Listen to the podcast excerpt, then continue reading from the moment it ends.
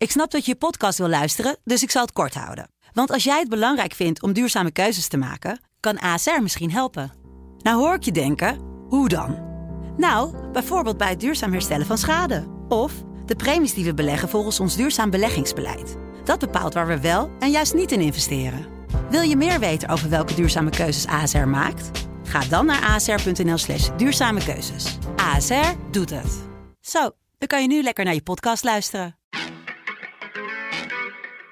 Dit is, dit is het land van Wierduk. Jij komt bij de kassa en je wil bier afrekenen. Dan zegt die kassa gewoon nee, mag niet. 0.0 wel. De podcast van de Telegraaf met analyses op het nieuws die u elders niet hoort. Dat lijkt nog heel ver weg voor ons. omdat Barbara wij- Baarsma die zit daar toch Ja, te oké, maar het is propageren. natuurlijk een verschil tussen of je de Chinese leider eh, ziet praten of dat je Barbara Baarsma hoort. Ja, maar eh, dat is de denkfout die wij maken. God, die krijgen weer gedonder mee. Maar ehm, Met Wierduk en Roel den Outer. Ja, welkom weer. Daar zijn we weer.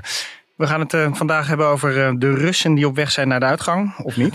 Eh, de historische overeenkomst tussen 1672 en 2022, dus dit jaar. Dat is, ik ben blij dat we er nu een historicus eh, hebben zitten hier ja, die dat kan uitleggen. We gaan het even weer over de genderdiscussie hebben.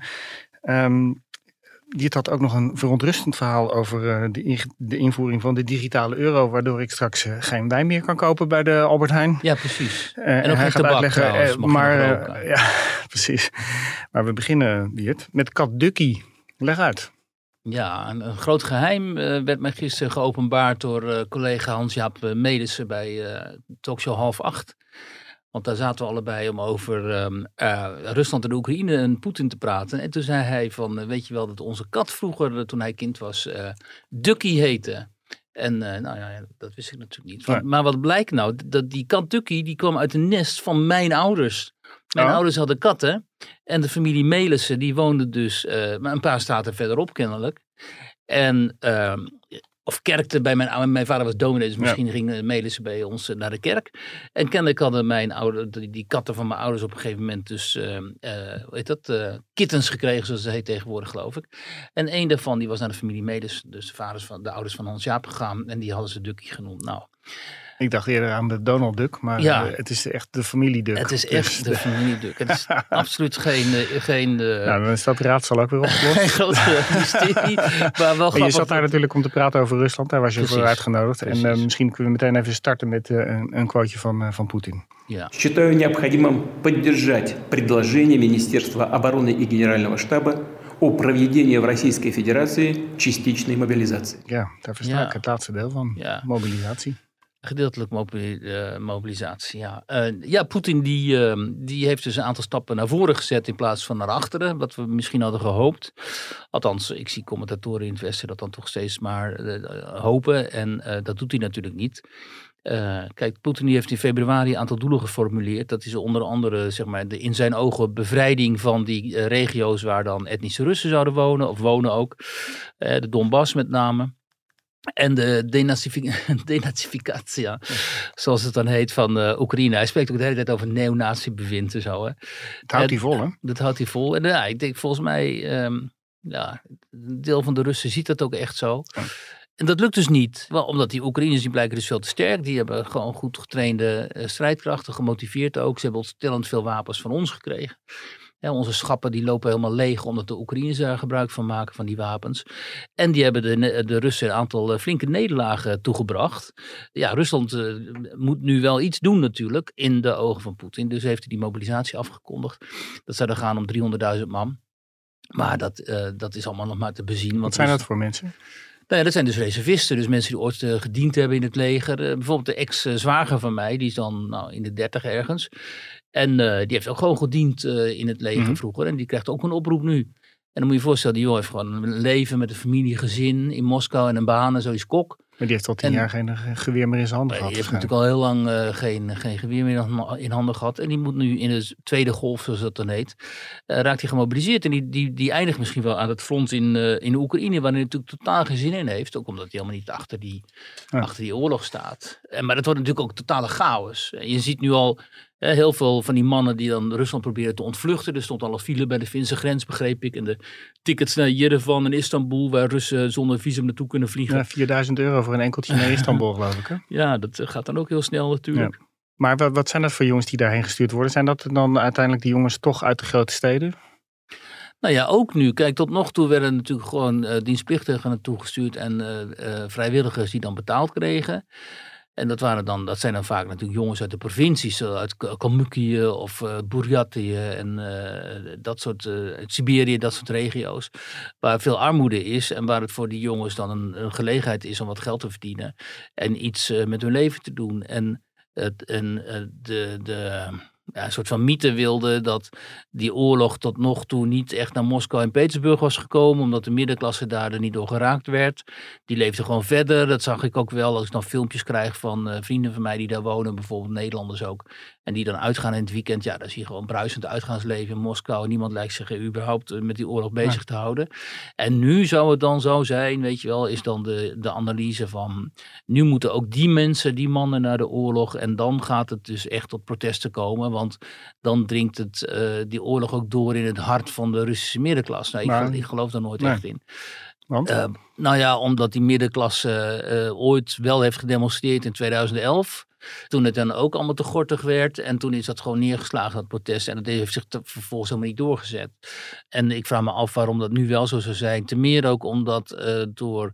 Nou ja, als gevolg van die permanente propaganda daar, die al jaren gewoon gaande is, waarin het Westen wordt afgeschilderd als het absolute kwaad en de Oekraïne als een soort, eh, soort enclave voor neonazies die in opdracht van het Westen Rusland bestrijden. Eh, er zijn ook heel veel mensen daar gewoon in gaan, lo- ga, dus die mensen in die geloven. steden die zijn ook allemaal, die staan ook allemaal achter Poetin. Nou ja, niet meerderheid. allemaal, Nee. want je ziet nu ook al die protesten en zo. Maar heel Ja. veel mensen eh, staan wel achter, in, in ieder geval deels, achter de analyse van het Kremlin. Namelijk dat zegt, luister eens, wij waren ooit een eh, grootmacht als Sovjet-Unie en we hadden enorme bufferzones hè, in Oekraïne, in eh, Wit-Rusland en elders, ook eh, aan de grenzen. En de, sinds, wij, sinds de Sovjet-Unie is ingestort, is die NAVO gewoon tot aan onze grenzen gekomen. hè, In de Baltische landen, Polen. Eh, eh, Ja, maar die Russen zien toch ook dat het leven hier toch gewoon veel beter is dan in hun eigen land. ja, maar dat is geen argumentatie. Als jij, als jij 70 jaar hebt gehoord dat het Westen de, de grootste, de, vij- jouw vijand is. En je ziet vervolgens jouw wereld in elkaar storten. En jouw model, economisch, sociaal model in elkaar storten. En het, je ziet dan. Eh, eh, misschien is dat niet, zijn dat niet de feiten, maar je ziet dan concreet dat het Westen zeg maar, jou bedreigt via het stationeren van wapensystemen aan jouw grenzen, via het eh, stationeren van legereenheden aan jouw grenzen. Ehm, en, en je krijgt de indruk dat de Amerikanen proberen om jouw energiemarkt te verstoren. Wat nu ook gewoon het geval is natuurlijk uiteindelijk als gevolg van die oorlog. Hè. Die Amerikanen Ja. profiteren ervan. Ja, dan ben je natuurlijk heel snel geneigd om te denken, ja, eh, wat moeten wij met het Westen Maar dan? hoe, Waarom, hoe diep zit dat bij die Russen? Nou, Want heel ik zou, want ik zou denken van, nou, het gaat daar veel beter aan de andere kant van de grens. Ik ga daarheen. Dat gebeurt natuurlijk ook wel. Er is een enorme brain drain uit, eh, uit Rusland, als je dat zo, eh, zo hoort. ja, maar jij denkt toch ook niet, omdat het in Azië beter gaat, dat je dan maar naar, vanuit Nederland naar Azië gaat? Als ik hier aan de geelhonger zou liggen dan, en ik zou, naar, ik zou naar Azië kunnen, dan zou ik naar Azië gaan. Ja, maar ja, ehm, ik denk dat heel veel Russen zich toch het prettigst voelen bij hun eigen cultuur, in hun eigen land, in hun eigen, zeg maar, eh, culturele ruimte. En eh, dat dan iemand als Poetin langskomt, ehm, of iemand anders, ja, dat is dan een soort eh, lo- lot van de geschiedenis of zo, dat ze accepteren. Zo is het altijd gegaan.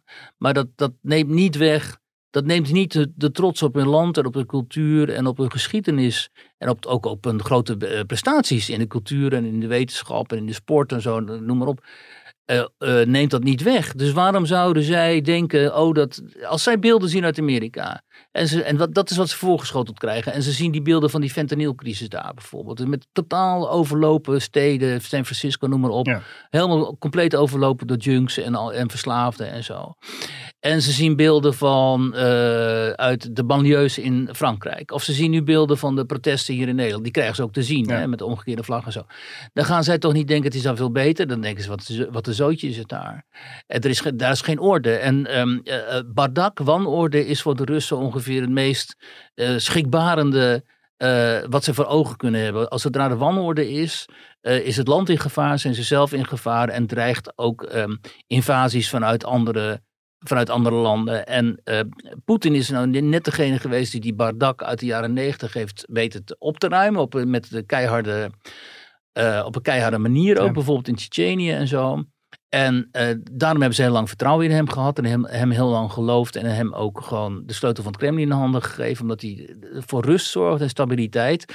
En dat hij nu doordraait en dat hij ehm, eigenlijk bezig is om eh, een soort eh, de collectieve zelfmoord te plegen daar in de Oekraïne. Ja, ik denk dat dat tot, tot heel veel Russen nog helemaal niet is doorgedrongen. Maar wij begrijpen Russen dus eigenlijk gewoon niet. Wij willen Russen misschien niet goed genoeg begrijpen.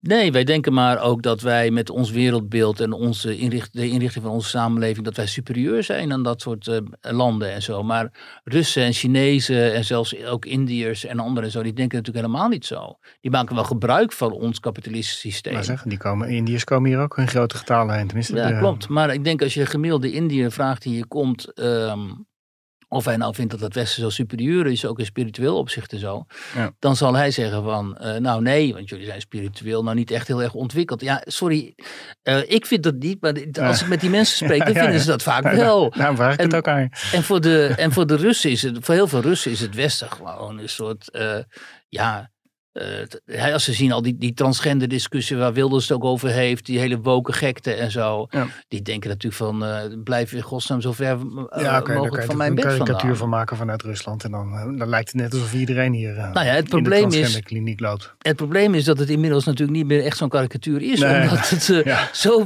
dominant is en zo wijd verspreid.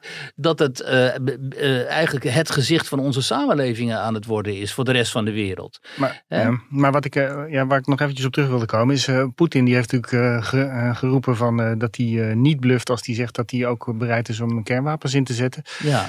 Hoe, hoe begrijpen wij hem verkeerd? Of, Nou ja, dat zei ik gisteren ook bij half acht. Ehm, eh, die, ik volg hem nu al twintig jaar en hij heeft nog nooit gebluft. Dus Ja. als hij zegt van, wel, hij heeft altijd gedaan wat hij zei. Hij zegt al twintig jaar van luister eens, we, eh, als jullie Oekraïne eh, in je invloedssfeer wil trekken, dan moet je rekening mee houden dat, dat het gevolgen zal hebben.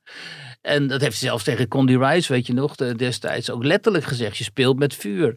Het herhaaldelijk gewoon. Hij heeft het zo vaak gezegd van blijf uit de Oekraïne. En want anders eh, het, zal het gevolgen voor jullie hebben. En, en hij heeft dus gewoon daad bij het woord gevoegd.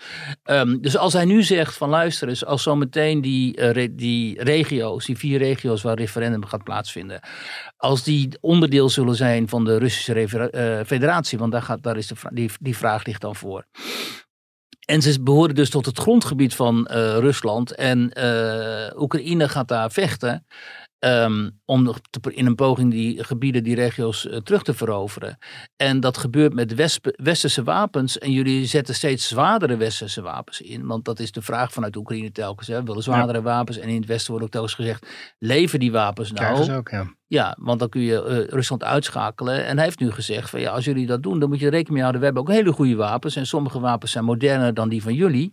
En ik zal niet terug, eh, voor terugdeinzen om werkelijk alles in te zetten. En dat is dus Ja, eh, de dat nucleaire hoor ik, optie. hoor ik al vanaf het begin dat ze roepen dat ze modernere wapens hebben. Maar voorlopig is het eh oud schroot allemaal wat ze inzetten. Oud schroot en on- ongedisciplineerde soldaten. Ja, dat is zo. Alleen. Heeft hij Russen- dan echt iets achter de hand nog?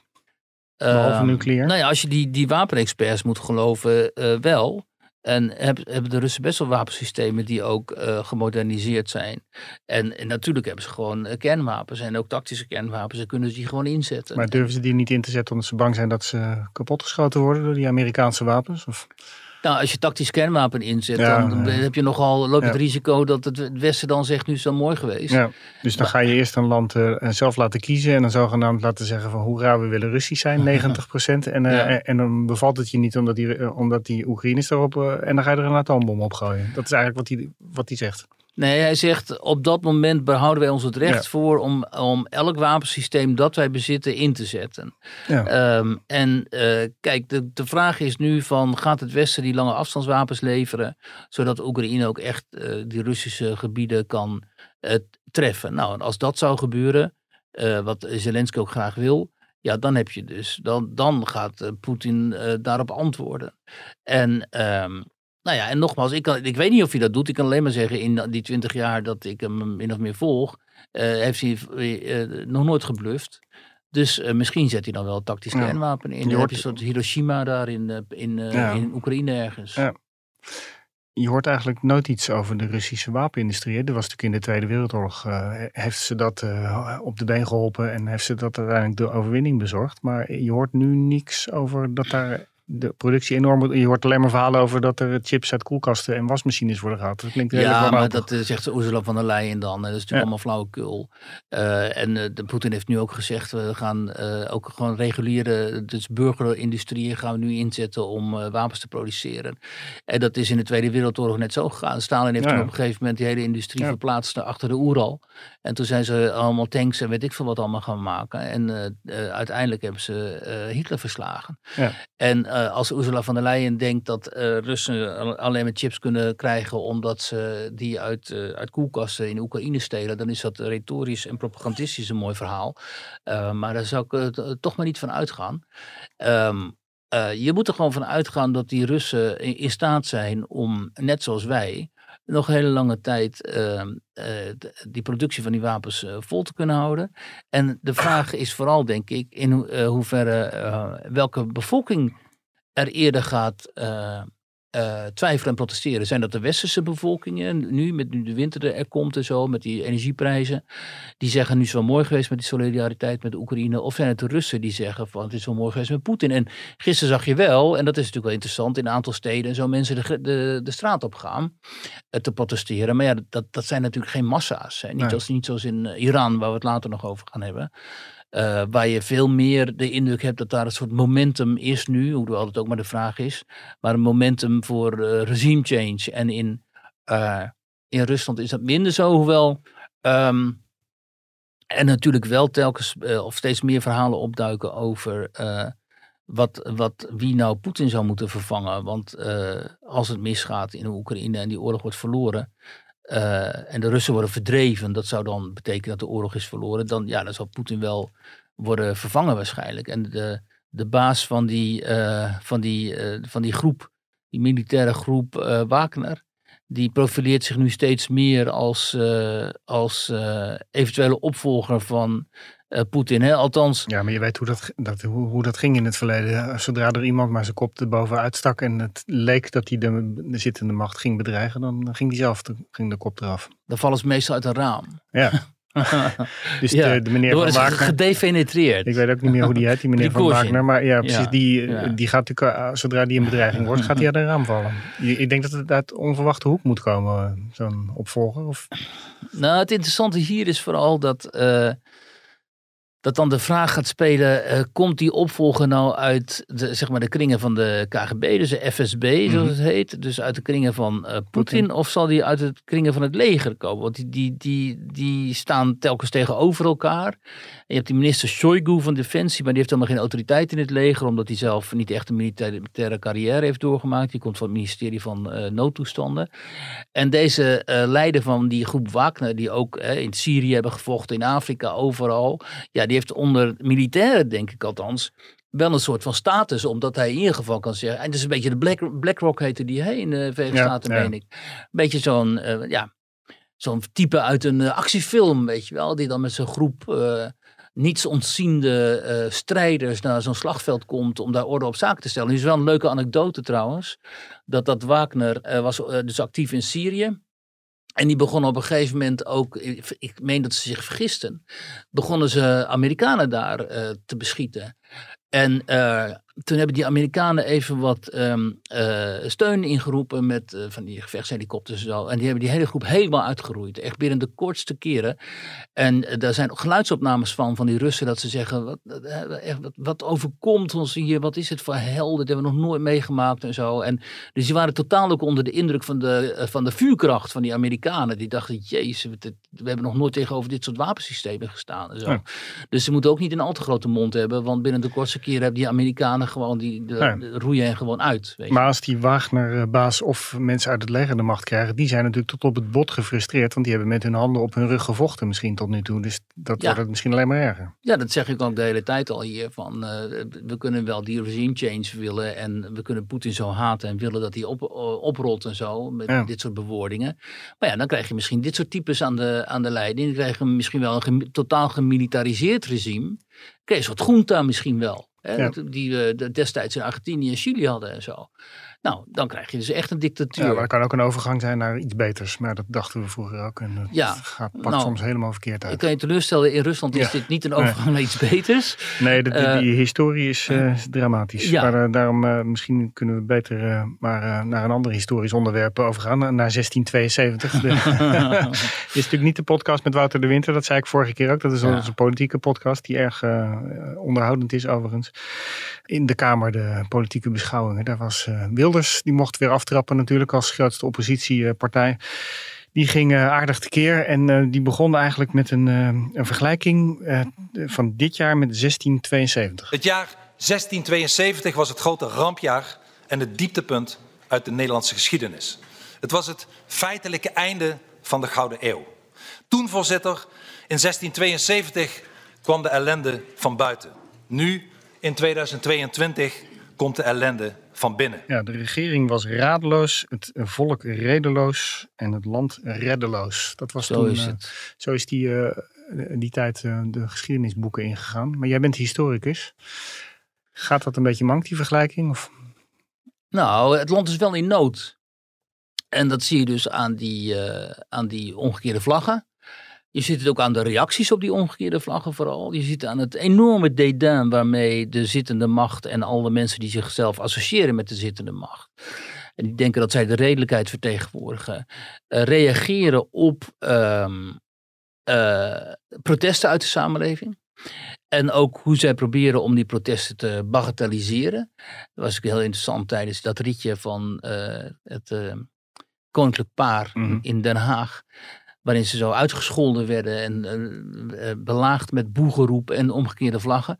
Dat die commentatoren daar, daar eigenlijk totaal geen raad mee wisten hè, van de NOS. Nee, het is Die- ook. Ik heb er ook jarenlang als verslaggever in die, eh, in die rij gestaan. En Ja. dat waren mensen die heel beschaafd uh, hoezee, hoezee riepen. En, eh, Nou ja, wat je daar dus moet zeggen dan op zo'n moment is, dan moet je, dan moet je niet minder lakij worden van eh, de macht en Ja. iets meer verslaggever en journalist. En dan moet je zeggen, mensen, dit is volstrekt ongehoord.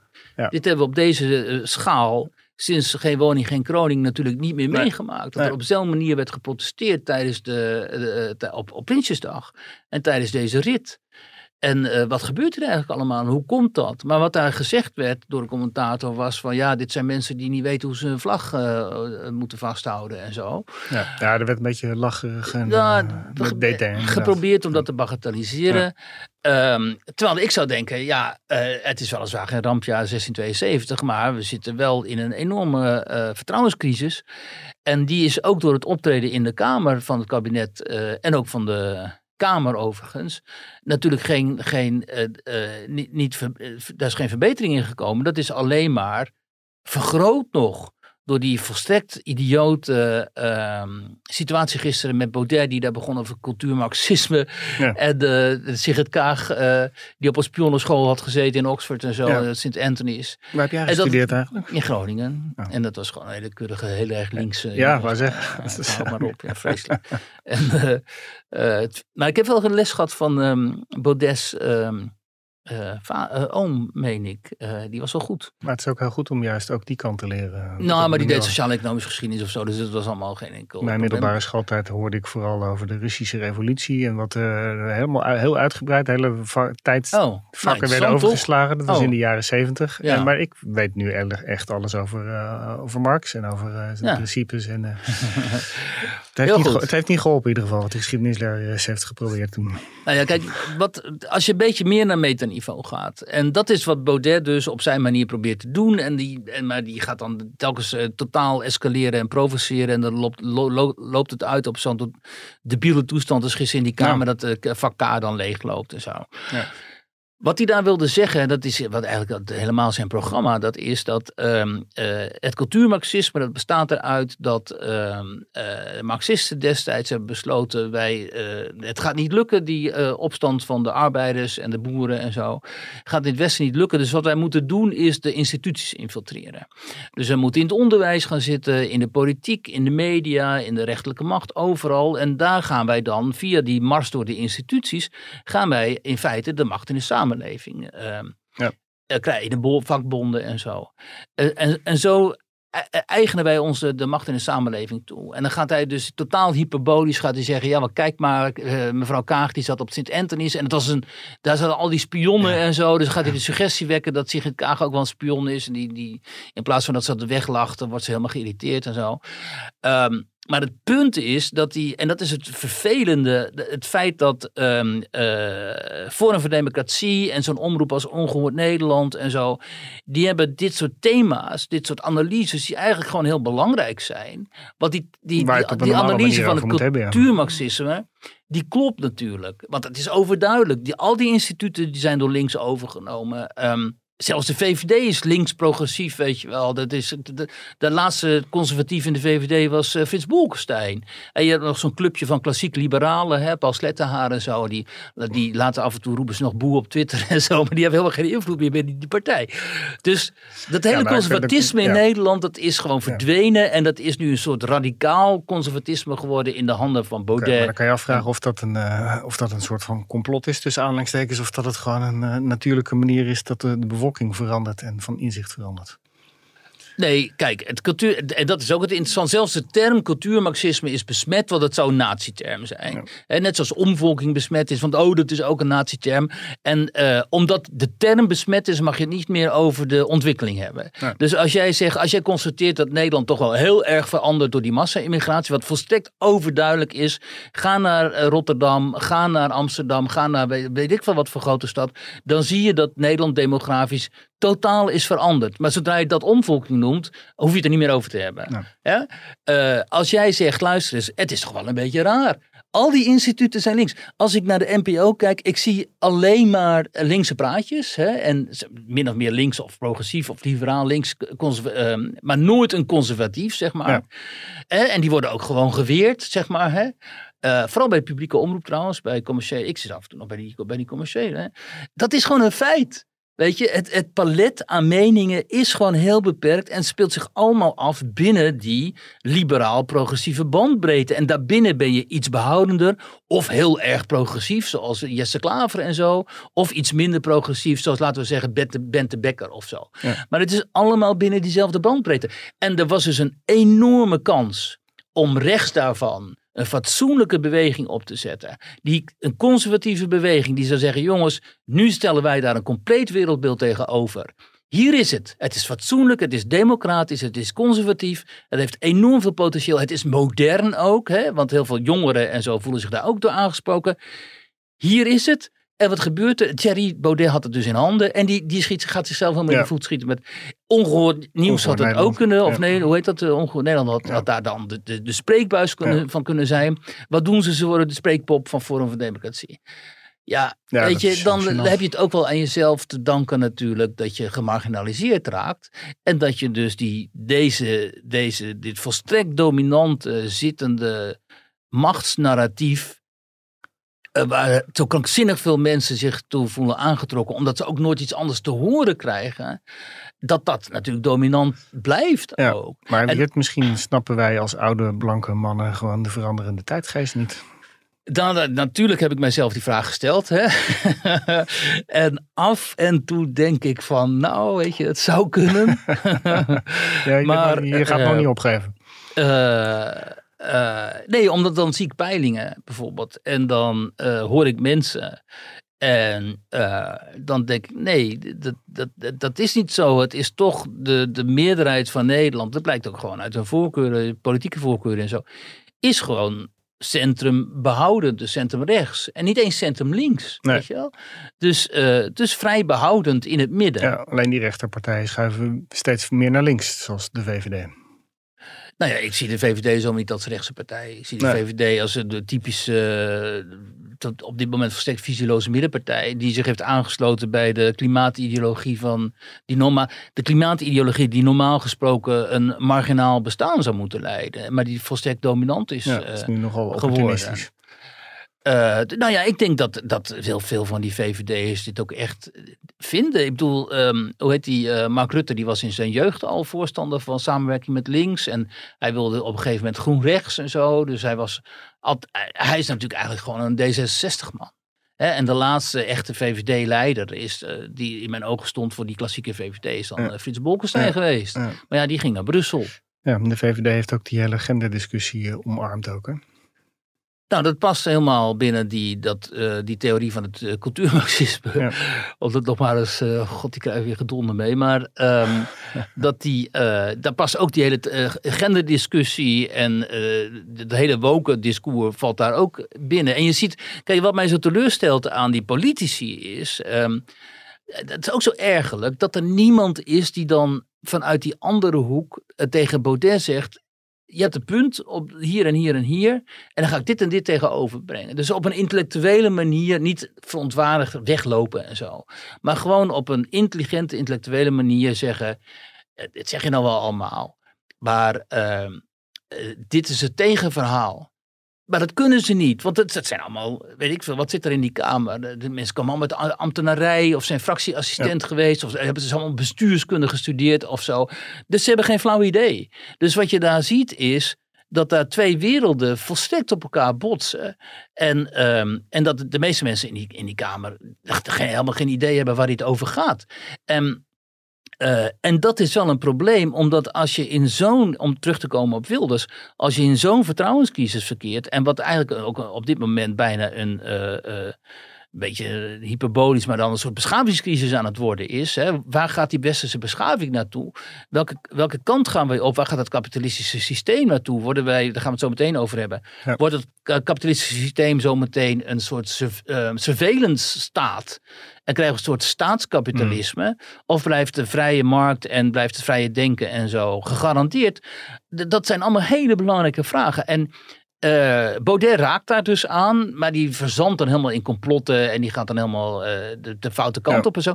Maar je moet daar wel als politicus eh, een idee over Ja, hebben. Wilders Anders, raakt daar ook wel af en toe aan. Hè? ja, Wilders raakt daar dus. Wilders is in die zin dus een typische populist. Hè, want die raakt daar dus op een hele eh, directe en soms heel platte en manier aan, zoals, zoals, zoals wij dat dan noemen, Tante Truus dat ook begrijpt. Hè? Ja. Wilders zegt gewoon, ja, wat is dat voor waanzin met die transgenders? En wat is dat voor waanzin met gender? Je ziet dat Jules Paradijs ook wel doen. Dan zit je bij Galit en Sofie en zegt hij, "Eh, transgender to- of eh, eh, genderneutrale toiletten en zo. Wat moeten we ermee? Ja. Maar dan maar je, hij vertelt niet het hele verhaal. Waar komt dit nou vandaan? Waar is dit nou een uiting van? Wat voor ideologie zit daarachter? Hoe, hoe, hoe serieus is die ideologie? Ehm, waarom dringt die ideologie zo snel door in onze instituties, in onze media, in politiek? Waarom Ja. zijn zoveel media onmiddellijk overstag, gaan ze onmiddellijk overstag? En als zodra iemand zegt, ik voel mijn man en vrouw, zeggen die media ook, oh oké, dan noemen we, noemen we jou wel jullie en zo. Waarom? En die vraag wordt dan niet gesteld. Dat blijft dus allemaal aan de oppervlakte hangen. En dan heb je iemand als Baudet die die vraag wel wil stellen, omdat hij ook de intellectuele capaciteiten daartoe heeft. En die, ver, die verzandt dan helemaal in een soort van waanzin. En dan is er niemand die in dat gat springt en zegt: Oké, prima. Dit is de discussie die we moeten voeren. Kom maar op. Zonder dat de Kamer wegloopt of zonder dat vak K leegloopt. Maar wel, want het is natuurlijk wel een discussie die in het. En dat is het goede aan die ehm eh, Alkaya, waar- met wie, we- over wie we het zo meteen gaan hebben. Dit soort discussies moeten natuurlijk wel plaatsvinden in het kabinet. Het moet niet alleen maar over koopkrachtplaatjes en energierekeningen en dat soort, eh, zeg maar, eh, banale, serieuze, maar ook banale zaken gaan. Ja, maar, daar, ja, maar je zou kunnen denken dat het kabinet er natuurlijk bij ba- gebaat is dat, dat ze zo verdeeld zijn en dat ook nog blijven uitspelen. Dat is misschien meer iets voor Wouter Ik de denk dat er niemand, ik denk dat het kabinet natuurlijk alles zal doen om dit soort discussies sowieso eh, niet te voeren. Om dan, want dan, omdat het ook volstrekt in hun ogen volstrekt onpraktisch is. En eh, politiek is tegenwoordig al decennia natuurlijk vooral eh, praten over geld. Koopkrachtplaatjes. En dat soort zaken. En niet over waar je met het land naartoe wil. Of waar je met de, de Balkenende heeft het ooit geprobeerd met die VOC-mentaliteit. Nou ja, dat was, hij was belachelijk. Maar de reacties daarop waren ook volstrekt belachelijk. Van oh, Ja. oh, hij is een soort slavendrijver of zo. Weet je, dat, dat ook zo. Echt, in Nederland gaat al die, dit gaat altijd mis. Weet Gaat- je? Ja. De- Ja. Uiteindelijk gaat het uiteindelijk vaak alleen maar om, de, om het geld. En dan niet over de toekomst van het geld. Het, eh, de- om het bruggetje meteen maar eventjes te maken met, eh, Ja, ja, met onze dacht, SP. Waar gaat Ja, het nu naartoe? Maar ja, wel stip hoor. Waar was Wiert? Jij hebt gesproken met eh SP-Kamerlid Alkaya. En dat Ja. is voor, de, voor je rubriek in Nederland in de krant Ja. van vandaag. En die heeft er wel een... eh, ik had het niet verwacht eigenlijk vanuit zijn hoek. Die visie over de toekomst van het geld. Nee, dat is eh, Mahir Alkaya inderdaad. En eh, die heeft een boek geschreven eh, over geld. En omdat hij, hij werd actief lid voor de SP. Ehm, eh, na de bankencrisis of ten tijde van de bankencrisis. En hij dacht, hoe kan het nou dat we in een systeem leven waarin commerciële banken die gewoon heel veel risico hebben genomen en eh, nou ja, eigenlijk gewoon ondernemersrisico hebben gehad, dat die eh, dreigen dan failliet te gaan en moeten wij die uitkopen met, met publiek geld, dus met belastinggeld. Waarom is dat systeem zo? En daar heeft hij zich in verdiept. En toen werd hij dus lid voor de socialisten. En die heeft nu een eh, boek geschreven over de toekomst van ons geld. En daarin eh, behandelt hij niet alleen de eh, positie van de commerciële banken, maar waar hij vooral op stuitte, dat is iets wat hem grote zorgen baart, namelijk dat achter de schermen in, bij de Europese Commissie en bij de Europese Centrale Bank, dus in Brussel en Frankfurt, dat er al vergevorderde plannen bestaan om een digitale euro in te voeren. Gekoppeld aan de ECB. Dus eh, hij zegt eh, waar tot nog toe zeg maar, de commerciële banken dan het betalingsverkeer eh, regelden, gaat het nu zo worden, althans in die plannen, dat de overheid eigenlijk gewoon jouw bankrekeningen aanbiedt. Digitaal, eh, hè, digitale euro. En nu denk eens door, zegt hij. Want die plannen die bestaan dus al. ehm, en het zijn niet alleen vergevorderd, maar ook heel radicaal. Namelijk dat geld kan geprogrammeerd worden. Het kan zo geprogrammeerd worden dat bijvoorbeeld bepaalde betalingen kunnen worden geweigerd. Dus stel je hebt ehm, wat Barbara Baasma, die econoom van de Rabobank, destijds al bepleitte. Ja. Stel, iedereen heeft een persoonlijk CO2-budget en je mag een bepaald eh, mate aan CO2 uitstoten. En stel, je doet een uitgave aan benzine bijvoorbeeld. Eh, of eh, iets anders. eh, Ja. Waaruit blijkt dat je over je CO2-budget heen bent. Dan kan die betaling gewoon geweigerd worden. Sta, je- sta je En dan- aan de tank. En dan sta je daar. en dan kun je dus niet denken, want je bent volgens de, de Ja, Big, Big Brother, ben Ja. je dus over je, overschrijd je daarmee. en als je het niet CO2 verder doordenkt, dan sta ik straks aan de kassa bij Albert Heijn. En dan kan ik mijn fles wijn niet afrekenen, want ik, ik heb er al drie gehad deze maand. dan is het ongezond. En dan bijvoorbeeld, dan wil jij sigaretten kopen. Eh, dat zegt uh, Alkaya ook letterlijk. Stel, je bent, eh, stel de overheid gaat bijstandsuitkeringen via zo'n digitale euro. eh, eh, Ja, dat je hem alleen maar krijgt als je dat, eh, dat systeem accepteert. Je ja. kunt dus alleen maar een bijstandsuitkering krijgen, niet meer via een commerciële bank, maar via een rekening bij de ECB. Ja. Of bij de Nederlandse Centrale Bank. En de overheid heeft bepaald dat je een bijstandsuitkering hebt, dan mag je geen, niet meer roken en je mag niet meer drinken en zo. Je mag alleen dat geld gebruiken voor basisvoorzieningen. Ja. En jij komt bij de kassa, bij de Albert Heijn en je wil bier afrekenen. Dan zegt die kassa gewoon nee, mag niet. Ja. Nou, 0.0 wel. 0.0 mag er wel. En hij zegt, dus ik zat daar met hem. Ik dacht, dat kan toch niet Nee. waar zijn, man. Hij zegt, nee, dat, zit, dat is allemaal al, ligt allemaal al klaar. Het is allemaal al gekoppeld, want het kunnen ze ook aan een Europese digitale identiteit. Hè? Dus een soort BSN, eh, of eh, Digi, DigiD, Europese DigiD, die ze in willen voeren. Dus van al die Europese burgers eh, lopen wij het risico om een soort, zeg maar, pion te worden in een, eh, in een spel van de boven ons eh gestelden. En nu heeft... ehm, Nou, dat klinkt een beetje als een soort van. dat gaat richting een soort van wappie-theorie. Nou ja, dit klinkt dus als controlestaat, surveillance state. En, en, en wij noemen dat al heel snel wappie, omdat de zogenaamde wappies, die heel wat minder wappie zijn gebleken, vaak trouwens dan wij vermoeden, die hebben dit ook al aan de orde worden gesteld. Ja, hè, dat die gaan roepen dat het eh, WEF eh, hierachter zit. Die zeggen allemaal Klaus Schwab zit hierachter Ja. en het WEF. En dan zegt Alkaya, ja, maar dat hoeft helemaal niet zo te zijn. Hij zegt, het kan met de beste bedoelingen ook opgetuigd worden, dit soort systemen. Maar, zegt hij, eh, het is zo gevaarlijk dat ik, en dat heeft hij samen met een VVD-collega gedaan, heel veel vragen heb gesteld, kamervragen aan minister van Financiën Sigrid Kaag. eh, hierover. En eh, Sigrid Kaag die heeft een beleidsvisie eh, hierop ontwikkeld. En die, waarin staat dat ze in ieder geval die programmeerbaarheid van die digi-euro, dat ze dat niet willen. Ja. En dus Nederland wil dat niet. Maar nou zegt elkaar, ja dat is allemaal wel. We kunnen zoveel willen. We wilden destijds ook geen Europese grondwet. En we wilden via het eh, referendum ook geen associatieverdrag met Oekraïne. Is er allemaal wel gekomen. En de Europese Commissie wil dit wel. En hij zegt, de Europese Commissie kan zo meteen gewoon dit eventueel doordrukken. Dus we moeten daar hoe dan ook heel erg alert op zijn. En ik wil hoe dan ook dat hier in de Tweede Kamer uitgebreid en fundamenteel over gediscussieerd wordt. En dit is waar ik naar verwees eh, eerder in, dit, eh, in deze podcast. Dit zijn de dingen op dit moment, dit zijn de ontwikkelingen op dit moment die enorm eh, zijn versneld door corona. Hè, omdat in, tijdens corona werden ook, de, greep de overheid ook steeds verder in in ons eh, persoonlijk leven. Hè. Dat zei elkaar ja ook van ja, je kunt je dit misschien niet voorstellen. Maar een paar jaar geleden konden wij ons ook een avondklok in Nederland niet voorstellen. En die kwam er wel. Hè. Ehm, dus in principe is alles mogelijk, denk ik ook. Ja, maar En- de, de, de wereld gaat bizar veranderen als je dit systeem zou invoeren. Of In ik- China heeft het systeem al. Ik ben in China geweest, je staat er op een kruispunt. Zie je van die billboards van 10 meter. En opeens verschijnen er allemaal gezichten. Van mensen die een bepaald budget hebben overschreden aan, aan strafpunten. Hè? En dan moet je je voorstellen, sta je daar bij het kruispunt, zie je jezelf daar in beeld. En denk je, oh, weet je, dan, dan ga ik, Maar word je gewoon eh, publiek geshamed. Maar die, die tweedeling is er eigenlijk al. Want als ik bij de Albert Heijn eh, eh, gewoon alles met mijn scannertje afreken en digitaal afreken. Dan Ja. zie ik allemaal eh, mensen naar de kassa gaan en die hebben allemaal bundeltjes met geld. Dan weet je natuurlijk wel waar dat een beetje vandaan komt. Nou ja, daarom zegt Alkaya ook, eh, zorg ervoor dat de alternatieven altijd blijven bestaan. Dus cash geld. Ja, maar dat is natuurlijk dan eh, haal je meteen de hele zwarte economie haal je eruit. Dus dat kan een voordeel zijn van het systeem. Ja, dat is dus wat de Europese Commissie zegt. Ja. We willen die zwarte economie Ja. eh, an- eh, eh, nihileren, hoe heet dat, in eh, Italië, vernietigen. in Italië beginnen daarmee dan. Nee, het, ze moeten er helemaal niet meer beginnen. Want het is namelijk een heel dan slecht idee. lukt. Het is dus lukt niet. principieel een heel slecht idee. Ook al zeg je van, we gaan de financiering van terreurorganisaties gaan Ja, we zo ja, tracen. We zo, gaan dus de ja. zwarte economie kapot maken en zo. Dan nog is het een heel slecht idee. Omdat het enorm gaat ingrijpen in, de, eh, in onze burgerrechten, in onze Mhm. burgerlijke vrijheden.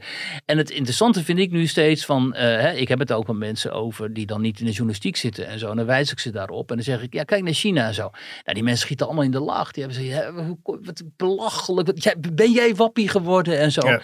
Die snappen dus helemaal niet hoe aantrekkelijk, misschien wel niet dat, hoe- dat sociaal kredietsysteem wat, wat de Chinezen hebben, hoe aantrekkelijk dat ook is voor onze Ja, overheden. maar dat lijkt nog heel ver weg voor Nou, ons. Omdat Barbara wij- Baarsma, die zit daar toch Ja, te propageren. maar het is natuurlijk een verschil tussen of je de, de Chi- Chinese leider eh, ziet praten of dat je Barbara Baarsma hoort. Ja, maar eh. dat is de denkfout die wij maken.